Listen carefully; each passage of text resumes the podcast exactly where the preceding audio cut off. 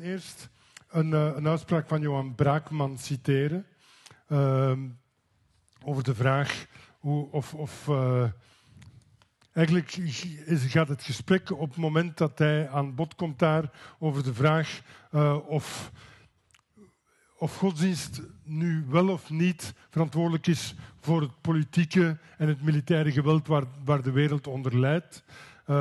en op een andere plaats citeer ik uh, Karen Armstrong, de, de godsdienstspecialiste uit Groot-Brittannië, die het grote boek geschreven heeft dat dat afgelopen jaar uitgekomen is over dit thema, uh, waar zij ongeveer samengevat zegt, in de 20e eeuw werden de grootste gewelddaden, de, tweede, de twee wereldoorlogen, de Armeense genocide, de nazi-uitroeiingskampen, de Stalinistische terreurcampagnes, de miljoenen, miljoenen slachtoffers van Mao's ideologische campagnes, de killing fields van Cambodja en Rwanda, werden allemaal begaan door regimes of bewegingen die geen enkele religieuze motivatie hadden, of soms een heel uitdrukkelijke alle religieuze motivatie afwezen of verboden geconfronteerd met die stelling of die gedachtegang, uh, zegt Braakman dat hij het daar niet mee eens is. Hij zegt in landen als Nederland en België waren nog nooit zoveel ongelovigen. En dat zijn zeer vreedzame democratieën met lage criminaliteit en veel ontwikkelingssamenwerking. Het onderwijs- en ontwikkelingsniveau, de empathie en het respect voor de mensenrechten correleren juist positief met een afname van de godsdienstigheid. Dus voilà, toch weer terug naar die ene moeilijke vraag waar dat we niet omheen uh, kunnen. Hoe groot is de verantwoordelijkheid van religies voor het geweld dat we vandaag in de wereld meemaken? Anybody? Monseigneur? Ja, ja, u bent niet iedereen natuurlijk, maar ik bedoel, als er dan niemand inspringt.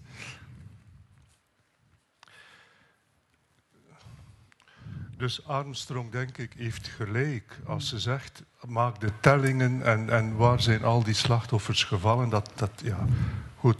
Maar ik vind, je zou moeten beginnen met de slachtoffers vallen van ideologieën.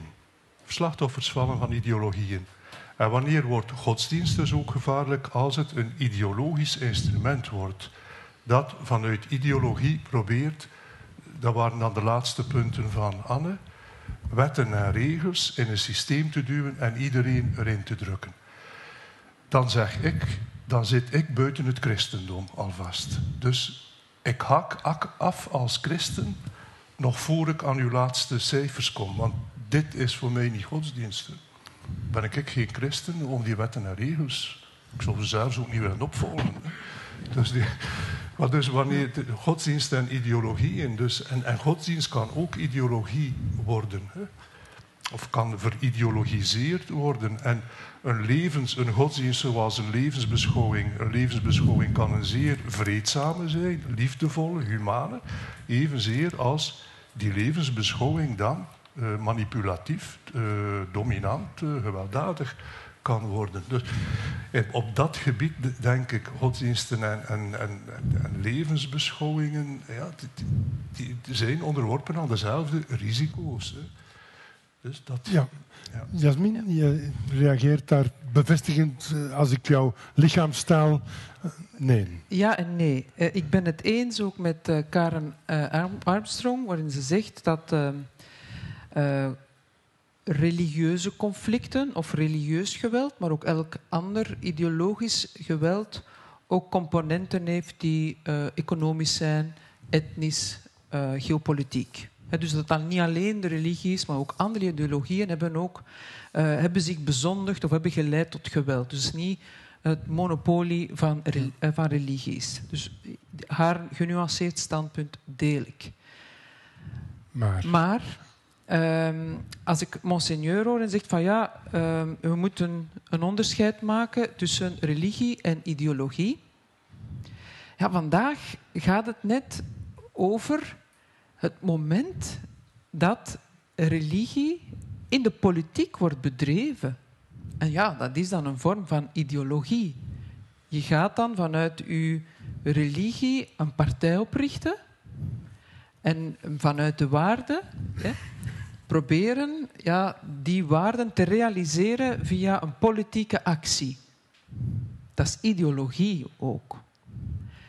Daarom dat ik die twee voorbeelden gaf in mijn betoog, dat ik zeg van ja, je hebt daar goede en slechte voorbeelden bij. Ik ben natuurlijk een product van na mei 68, dus ik, heb, ik voel minder het juk van, allez, dat mijn, uh, ik zal zeker met mijn moeder, hè, soms wel um, uitdrukt hè, van, van een dominante religie, opgegroeid te zijn in een dominante religie voor mijn moeder was dat het, uh, het katholieke platteland. En voor mijn vader, een dominante religie, was het uh, islamitische platteland in Algerije. Dus die hebben dezelfde reflexen. Um, ik vind dat je uh, op dat moment duidelijk moet maken dat ehm, religie begrensd is. En ik denk dat je dat ook misschien wilt zeggen, ik weet het niet, maar begrensd moet worden door een kader dat je niet, uh, waar je niet op mag afdingen. Iedereen is het erover eens, als we het hebben over de islam, dat we zeggen we gaan niet afdingen op de gelijkheid mannen en vrouwen hier in Vlaanderen. Maar zoals ik daarnet ook zei, we mogen daar niet op afdingen wereldwijd. En om het nu concreet te maken, in Vlaanderen, als het dan gaat over uh, het, uh, een aantal twee elementen waar dat je aangaf dat, uh, als ik je mag, je mag zeggen, maar, hè, dat, uh, dat religie ook een belangrijke rol speelt in onderwijs en zorg. Um, men heeft in onderwijs een soort evenwicht gevonden. Hè? De vrijheid van onderwijs, waarbij je dan ook een onder, vrij, het, vrij onderwijs mag ontwikkelen, vertrekkende vanuit uw religie. En men, dat wordt ook gesubsidieerd. En men heeft dan het, kader vandaag is van... Ja, oké, als je aan de eindtermen voldoet, dan krijg je subsidies. Ik denk dat dat anno 2015 onvoldoende is. Ik vind onderwijs een mensenrecht. En vanuit die optiek vind ik dat ook elke religie wel onderwijs hè, kan blijven uh, organiseren. Maar of dat ze nu gesubsidieerd worden of niet, ik vind het niet kunnen dat men in scholen geïnspireerd op een religie um, de kinderen opvoedt op, op, ja, op een manier die indruist tegen de mensenrechten. Dat men bijvoorbeeld in schoolboeken dingen zou schrijven die de gelijkheid van mannen en vrouwen betwisten. Of die bijvoorbeeld uh, de evolutieleer ontkennen. Of die het uh, creationisme pro pro propageren. Vandaag is het evenwicht dat men zegt van... Oké, ja, ze, die krijgen geen subsidies, hun diploma is waardeloos. Dus op, men denkt dat daarmee het kader is gezet in Vlaanderen. Ik vind dat men dat die kinderen niet kan aandoen. Ja, ik, ik kom even tussen, Jasmin, omdat we zouden dat debat over de mhm. positie van, van religie en onderwijs zou ons ver kunnen leiden. Ik denk, ik, ik zou even willen vast blijven hangen bij die eerste opmerking, zo de, de, de grens tussen wat is religie en, en, wanneer wordt het ideologie? En is, en is dat de grens die bepaalt of het eigenlijk gewelddadig wordt en of, of we daar moeten op ingrijpen? En, en ik weet niet goed, ik vind dat een interessante, zeer relevante gedachte ook, alleen een moeilijke om te operationaliseren. Want zoals jij zegt, bijna elke politieke actie zal gedreven zijn door een ideologie. En dus op dat moment wordt, dat, wordt die grens wordt, wordt een beetje vloe. En dus het is misschien een, een schema dat juist is, maar, maar je kan, kan, kan je het op concrete politiek toepassen. In, in Vlaanderen misschien nog wel, maar als je gaat kijken met name naar het Midden-Oosten, waar zit de politiek die religieus gedreven is en niet ideologisch is? Anne, ik weet niet of jij daar over die ideologie en, en religie in jouw, uh, in jouw meter of in jouw beleving uh, daar wat over toe te voegen hebt. Ja, ik denk dat je je nooit moet laten verleiden om die twee met elkaar te vergelijken. Ik denk dat dat, dat is een klassiek defensief vanuit de religieuze hoek, maar ik vind dat je dat nooit moet doen, omdat dat de vergelijking niet doorstaat. Religie is een uniek gegeven. Religie is de enige ideologie, hè, als je kunt zeggen van eh, de, de ideologie, dat is een samenvatten van een denkbeeld, waarin men oplossingen zoekt voor maatschappelijke, stoffelijke, materiële problemen. Materieel in de filosofische zin van het woord, namelijk stoffelijk, niet extra materieel. En de religie is de enige ideologie die zegt: Bon, we hebben al het materiële, maar daarboven staat er iets anders. Met name het supramateriële en die daar autoriteit uithaalt. Dus je kunt nooit uh, zeggen van dat is te vergelijken met het marxisme en het communisme en kijk eens naar die excessen daarvan. Want Marx was een stoffelijk wezen, was een materiële persoon. Dus je kunt het hebben over zijn geschriften, je kunt die interpreteren. Dat gaat niet. Je haalt eigenlijk geen autoriteit uit datgene wat onpeilbaar is aan zich.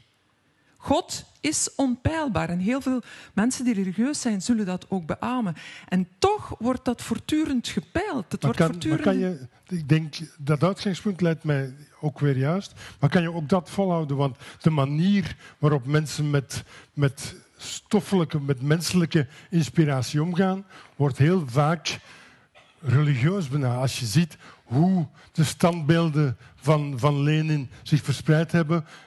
En we hebben het nog niet over Kim Il-sung en, en zijn nakomelingen uh, in Noord-Korea. Dat is, dat is religieus. Dat, dat Ja, gaat nee. verder dan, dan de aanbidding vaak van, eh, van religieuze Ja, dat is godheden. idolatrie. Hè? Nee, ik, als ik debatten houd eh, hierover, is eigenlijk het eerste wat ik altijd doe, is definiëren wat we bedoelen met religie. Ja. Hè, want we, we hebben een heel ambiguë houding daartegen. Hè. Mensen zullen naar mij toe komen en die zullen zeggen, zie je wel, je gelooft ook, al is het maar in de liefde. Maar dan zeg ik, als ik op een receptie deze meneer tegenkom en ik heb hem nog nooit ontmoet en die meneer vraagt aan mij, gelooft u?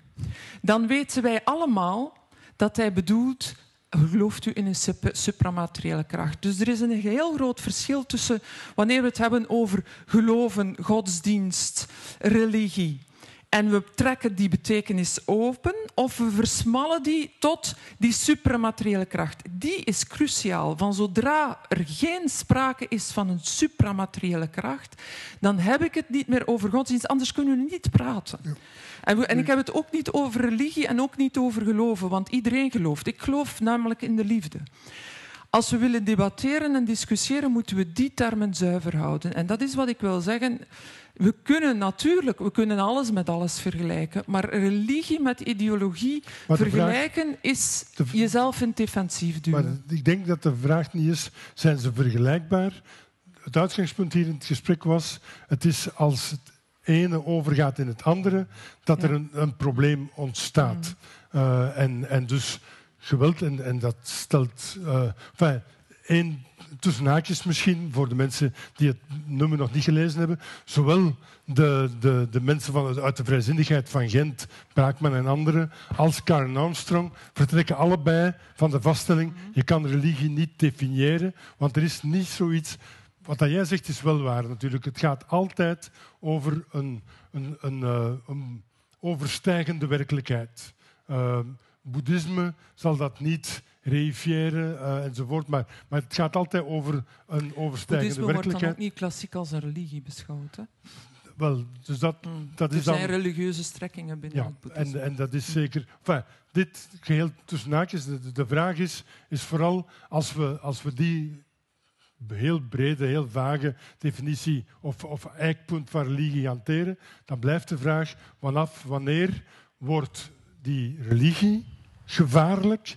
Ehm, en, en daar zijn jullie het alvast over één ding eens. Van zodat ze dwingend wordt voor de anderen, wordt ze gevaarlijk. Want dan, dan, wordt ze, dan, dan verlaat ze eigenlijk de, de ruimte die ze biedt en de oproep die ze, die ze lanceert, monseigneur. Ja, dus godsdienst zit niet noodzakelijk op de weg van een ideologie, maar je zit dus bij die delicate verschuiving. Die kan gebeuren. Wanneer voelt je die verschuiving? Bijvoorbeeld, ik ben gelovig.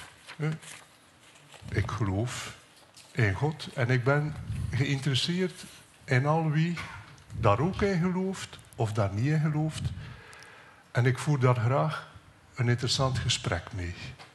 Maar ik kan je zeggen, vooraleer ik met een Jood kan spreken over zijn geloof en dat hij erop vertrouwt dat ik het niet heb over het Joods-Palestijnse probleem, maar mhm. dat hij mij wil laten binnenkijken in zijn geloof als Jood, dan moet je al veel barrières mhm. over. Hetzelfde voor een moslim. Mhm. Ik heb een paar moslimvrienden met wie ik nu al kan spreken onder, over hun geloof, zonder dat ze zich door mij bedreigd voelen of ik door hen. Of zonder dat dat wordt gezien als, ah ja, je je daar ook van die gevaarlijke... Dus, dus je moet... Eh, die oefening, dus daar voelt je het in. Om in die, en met een ongelovige is hetzelfde. Vooraleer je tot een gesprek kunt komen waarin, je, waarin dat ik niet meer als die een kaloot of die een katholiek of die ik weet niet wat beschouwd wordt, maar als iemand die gelooft en daarover met een ander in een vredevol gesprek wilt gaan, waar je iets dieper wilt komen dan, dan een ronde tafel, dan moet je veel barrières over. Maar nu, dat is dus de oefening, denk ik, voor gelovigen en voor niet-gelovigen. Om dat punt waarop je dus met elkaar kunt spreken en waarvan je voelt, nu naderen we die zone waar dat we dus geen bedreiging meer zijn, geen, niet meer vanuit beeldvorming redeneren. Maar dat is, dat is een, een benadering die heel erg bijna gereduceerd of, of het, het probleem terugbrengt, ik zal niet zeggen reduceren, maar terugbrengt tot het interpersoonlijke. Nee, het... nee, nee, nee, nee. Die, gaat, die peilt naar de diepte van wat geloof jij echt? Wat is voor jou echt waar het om gaat in je godsdienst? Maar, maar als we maatschappelijk kijken en, en naar, de, naar de actualiteit kijken, dan, uh, dan, dan zitten we in realiteit, zowel in België, van geweldige polarisering. Uh, het, het gesprek waar, waar u het over heeft, gebeurt of wordt gezocht op, op een aantal plaatsen, ontstaat dikwijls ook niet alleen uh, rond een tafel, maar uit een gedeelde praktijk. Het opvangen van vluchtelingen of uh, het werken aan, aan, aan die betere wereld, dat je, dat je straks zei. Maar tegelijkertijd is er een polarisering die het gesprek dynamiteert die het onmogelijk maakt. En tot wat dat kan leiden, zien we dan met name in Syrië en, en in Irak of in Afghanistan of op andere plaatsen, waar, waar dat dynamiteren niet alleen ten opzichte van andere gelovigen, maar ook binnen de eigen brede traditie steeds versmalt naar de enige ware interpretatie van. Iets wat, wat overigens, denk ik, ook ideologieën altijd hebben. Hè. De vergelijking tussen IS en de Rode Armee-fractie in, in de jaren 70 wordt vaak gemaakt en is naar mijn gevoel een relevante vergelijking, omdat ze, omdat ze uitgaat van een voorhoede die de volledige waarheid kan kennen en, en geroepen is om die op te leggen om de hele samenleving beter te maken. Kunt je in, in zo'n situatie, is mijn vraag, kunt je dan, uh, kun, hoe kunt je daaruit ontsnappen? Is, is het het gesprek zoeken op persoonlijke niveau? de, de way forward? Of moeten we andere stappen nemen om die gewelddadigheid waar we vandaag mee geconfronteerd worden, om die te ontmijnen, om die terug te dringen, om terug te komen tot een mogelijkheid van vrede? Uh, ja. Je, je, hebt twee zaken. Hoe kan je uh, harmonie hebben in een samenleving? En dan gaat het inderdaad ook over het interpersoonlijke. Van hoe kan je een, een dialoog uh, organiseren en een samenleving opbouwen waar we er zoveel tegengestelde uh, levensbeschouwingen samen een terrein delen, meer en meer. Um, daar, daar, heb je een, een, vertrouwensbasis nodig ook. En mijn standpunt is dat uh, dat, dat alleen maar kan, zo'n dialoog, één, vertrekkende van wederzijds respect, maar ook vertrouwen dat je op een aantal fundamentele principes ook wel deelt. En uh, dat gaat bijvoorbeeld hè, uh, elkaar respecteren, maar ook op een aantal fundamenten rond, dat ik altijd hamer op die mensenrechten, dat dat de sleutel is, denk ik. Maar er zijn, er zijn dus veel strekkingen die die verwerpen. Hoe ga, je dat, hoe ga je dat dan aanpakken? Met name de, de, de, de radicale salafisten zeggen van, sorry, die, mensenrechten... Die, die, overal worden die um, mensenrechten door verschillende strekkingen uh, betwist. Mhm. Maar dus dan is het, vind ik, de verantwoordelijkheid van de religieuze leiders om daarin de lijn uit te zetten. Ik heb, en, en dat is, ik, geloof, ik vind ook dat dat de enige manier is om ook vooruitgang te kunnen boeken hè, in, die, in, uh, in die geglobaliseerde wereld. Hè. Ik denk dat, in, ik was uh, uh, twee jaar geleden in Davos en de enige speech van wie ik onder, echt onder de indruk was, was de speech van de paus. Het was een speech over ongelijkheid. Hij heeft dan als spirituele leider een, een, een statement gemaakt waarbij hij eigenlijk de bakens uitzet voor alle CEO's en gezegd van kijk, jullie hebben de macht. Jullie kunnen dingen doen. Doe daar iets mee. Dus dat is een verantwoordelijkheid die de spirituele leiders hebben. En, en heb je het gevoel dat dat voldoende gebeurt? Nee, tuurlijk niet. Maar daarom blijf ik dat maar herhalen. en ik hoop dat daar... Ik vind dat... En ik, ehm, ik heb dat ook in, de, in, politiek op, lokaal, op, op, op Vlaams niveau. Als wij het debatten hebben over radicalisering, dan gaat het inderdaad over hoe kunnen we veiligheid creëren en, en geborgenheid en verbondenheid in onze stad. Maar dan zeg ik altijd... We moeten ook bond, de, de, de progressieve, de mensenrechtenactivisten overal wereldwijd moeten wij onze bondgenoten maken. Wij moeten daar geen wij-zij-verhaal van maken. Wij moeten daar gezamenlijk. Want dat is echt fundamenteel. En dan krijg ik wel van die opmerkingen van, ja, dat is een Hannah Arendt-opmerking en wij zijn hier bezig hè, met terrorismebestrijding. Dan zeg ik van, ja, toch moet, is dat de, de enige manier om die, dat terrorisme uiteindelijk daar ook te kunnen overwinnen. Anne, en, en, om af te sluiten, omdat um, je hebt heel de discussie over religie. En dan is de vraag, denk ik, en die wil ik misschien ook nog eens uh, opwerpen als het gaat over religie en politiek. Zelf hè, uh, ben ik niet zo een, uh, een aanhanger, of ik, ik, ik word eh, warm of koud. Ik ben eerder zelfs, in alle eerlijkheid, vind ik het, ben ik eerder sceptisch ten aanzien van religieuze partijen. Maar daarom dat ik de twee voorbeelden heb gegeven. Je hebt dan de christendemocratie, oké, die heeft die omturning gemaakt en is nog bezig. Hè. Ik vind dat we daar nog niet zijn. Uh, maar bijvoorbeeld in Algerije met vis is dat echt mislukt. En ik vond dat we daar... Hè, gelukkig dat die democratie... Allee, er is geen democratie daar, maar dat we dan in ieder geval niet de, uh, daar geen, geen islamitische staat heeft geïnstalleerd. Op, hè, aan de grens van Europa. Maar dus de vraag is van, is een politieke partij, is dat nog van deze, is dat een, een religieuze partij, is dat nog van deze tijd? En daar denk ik in alle eerlijkheid dat wij niemand kunnen verbieden om vanuit een bepaald gedachtegoed aan politiek te doen. Alleen het kader moet duidelijk zijn. Die voorkoming van de religieuze staat in Algerije heeft natuurlijk ook wel 100.000 ja, doden gekost. Ja, tien jaar burgeroorlog. Maar iedereen keek erop, hè? En de twee uh, woordvoerders van de FIS, de leider en de woordvoerder van de FIS, kregen politiek asiel in Amerika en in Duitsland. En op dat moment waren er geen debatten hier. Er werd door geïnteresseerden. Maar er was niet een grote staat van, van, van paniek ja. dat, men daar, dat de vis daar was. Ja. Jan, Anne, ik wou nog één stukje van, wat Jasmin daar juist aanbracht even naar jou toe gooien. Als ze zegt, uh, we hebben meer behoefte aan religieuze leiders die, dat, uh, die opkomen voor die gemeenschappelijke sokkel van mensenrechten als basis om aan politiek te doen.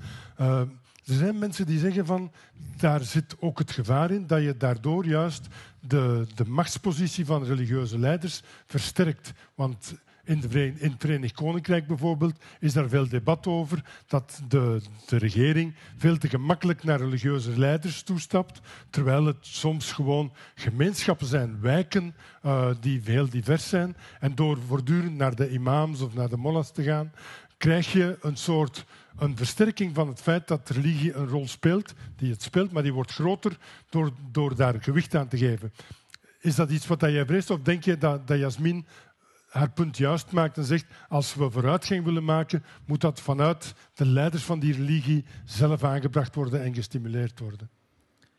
Um, ik denk dat alles, alles altijd staat en valt met hoe die leiders zelf over hun godsdienst denken. Dus de vraag is eigenlijk voor mij, sorry dat ik altijd op hetzelfde terugkom, maar het is altijd, voor mij is het altijd de vraag van waar staat die leider op de religiometer? Als dat iemand is die de relativiteit van zijn eigen inzichten inziet en niet uh, opdringerig is met zijn godsdienst, dan denk ik dat die mensen de aangewezen uh, fellows zijn, de aangewezen bondgenoten. Omdat ze autoriteit hebben, omdat ze leven in een cultuur die werkt met leiderschap. Datgene waar ik daarnet tegen gepleit heb, dat is iets, denk ik, dat nog vrij westers is en vrij geseculariseerd. Ik denk dat de gedachte om geen hiërarchie meer te hebben, dat die nog heel, heel ver af is voor de religies. Ik we zien dat ook in de katholieke kerk. Ik denk dat de katholieke kerk wat dat betreft grote sprongen aan het nemen is. Maar alles wat we zeggen over godsdiensten, kunnen we eigenlijk nooit over godsdiensten in het algemeen zeggen, omdat wij hier in een realiteit zitten waarbij we te maken hebben, deep down, met eigenlijk slechts twee godsdiensten. Namelijk het katholicisme dat we allemaal kennen uit ons verleden en de moslimreligie die uh, recent is aangekomen. En die twee zijn zo extreem verschillend dat, dat ik het altijd heel moeilijk vind om een vraag te, beantwoord, te beantwoorden die gaat over religies over het algemeen. Ik zou dan eigenlijk altijd mijn antwoord moeten opsplitsen in twee delen. Dus als ik in dit geval jouw vraag zou uh, opsplitsen, bijvoorbeeld, uh, wat zou de katholieke kerk in dit alles kunnen doen? Ik denk dat uh, ik best wel zitten wachten, en dat is misschien een beetje een oproep aan meneer Bonny, uh, op meer leiderschap vanuit die katholieke kerk, om ervoor te zorgen dat erop gewezen wordt dat als wij het hebben over de religieuzen in de kerken die nieuw zijn, dat we daar te maken hebben met een ander soort godsdienst. Ik ben opgegroeid in de jaren zeventig. En uh, ik had eigenlijk heel veel te maken met die deïstische God, die God die in het midden zat. In mijn jeugd heeft nooit iemand gezegd dat God een plan had. Men zei altijd dat God liefde was. Hè. Iedereen die hier zit van die generatie zal zich dat herinneren. Dat was Up With People en Hair en Jesus Christ Superstar. En dat was, Jezus was liefde. En deed hij het met Maria Magdalena of niet? Dat was eigenlijk van een tweede orde. Wij waren zeer vrij en zeer breed. En ik denk zelfs dat dat ermee te maken heeft. Uh, allee, dat geen toeval is. Dat ik geen uh, boze gevoelens heb tegenover katholicisme. Ik ben katholiek opgevoed, maar eigenlijk herinner ik mij dat als een zeer warme opvoeding. Nu, die, dat katholicisme maakt bewegingen, want bijvoorbeeld in het jaar 2002, 2003 hebben we hier even... Dat creationisme werd ineens weer op de agenda geplaatst. Maar eigenlijk heeft uh, uh, de katholieke kerk en ook de, de mensen van, van CWP, de, in, uh, van het CD&V, die hebben dat goed afgehouden. Die hebben gezegd, creationisme als dat al in de scholen wordt onderwezen, dan moet het als onderdeel van de godsdienstlessen. Dat kan nooit in onze biologielessen. Dus die hebben daar heel goed op gereageerd. En vanuit die wijsheid die zij eigenlijk hebben en de ervaring die zij ook hebben met de secularisering in de maatschappij en toch overeind blijven als een religie, namelijk de katholieken, zou ik hopen dat zij met die bagage, met dat pakket van know-how naar de moslim-executieven toe gaan en zeggen van jongens, als jullie in die graad 9 en 10 blijven haperen, dan ga je altijd botsen met de seculiere staat België. Ja. Dus je zou eigenlijk moeten kunnen zakken in die religiometer en meer naar dat deïsme, naar dat deïsme toe gaan en meer de witte vlag hijsen. Hè, namelijk waarin je zegt van, beste gelovigen, eigenlijk weten wij het niet, maar wij gaan ervan uit dat God het goede bedoelde. Ja. De witte vlag in plaats van de zwarte vlag. Precies. Monsieur Bonny, sla. Ja, wel, maar ik wilde... maar ook dan misschien vast, anders vergeet ik het. Ja. Maar ik wilde nog iets zeggen daarvan. U, u eindigde daar met hoe ontkom je zo aan... Ja. Uh, om nu terug te keren naar het Midden-Oosten, van waar dus al de problemen komen. Hè. Goed, religieuze leiders, christelijke van de verschillende confessies en moslim en, en, en, de varianten van het moslim eh, ook, Sunni en Shi enzovoort. Inderdaad, je kan van die verwachten, je zou van die moeten verwachten, mhm. dat die klaardere signalen uitsteek, uitsturen van ja, op zijn minst constructieve samenwerking. Goed, en dus ik wil hier niet aan ontlopen aan kritiek op kerken en godsdiensten als ze daar niet aan toekomen. Van de andere kant vind ik, je moet dan ook met twee voeten op de grond blijven.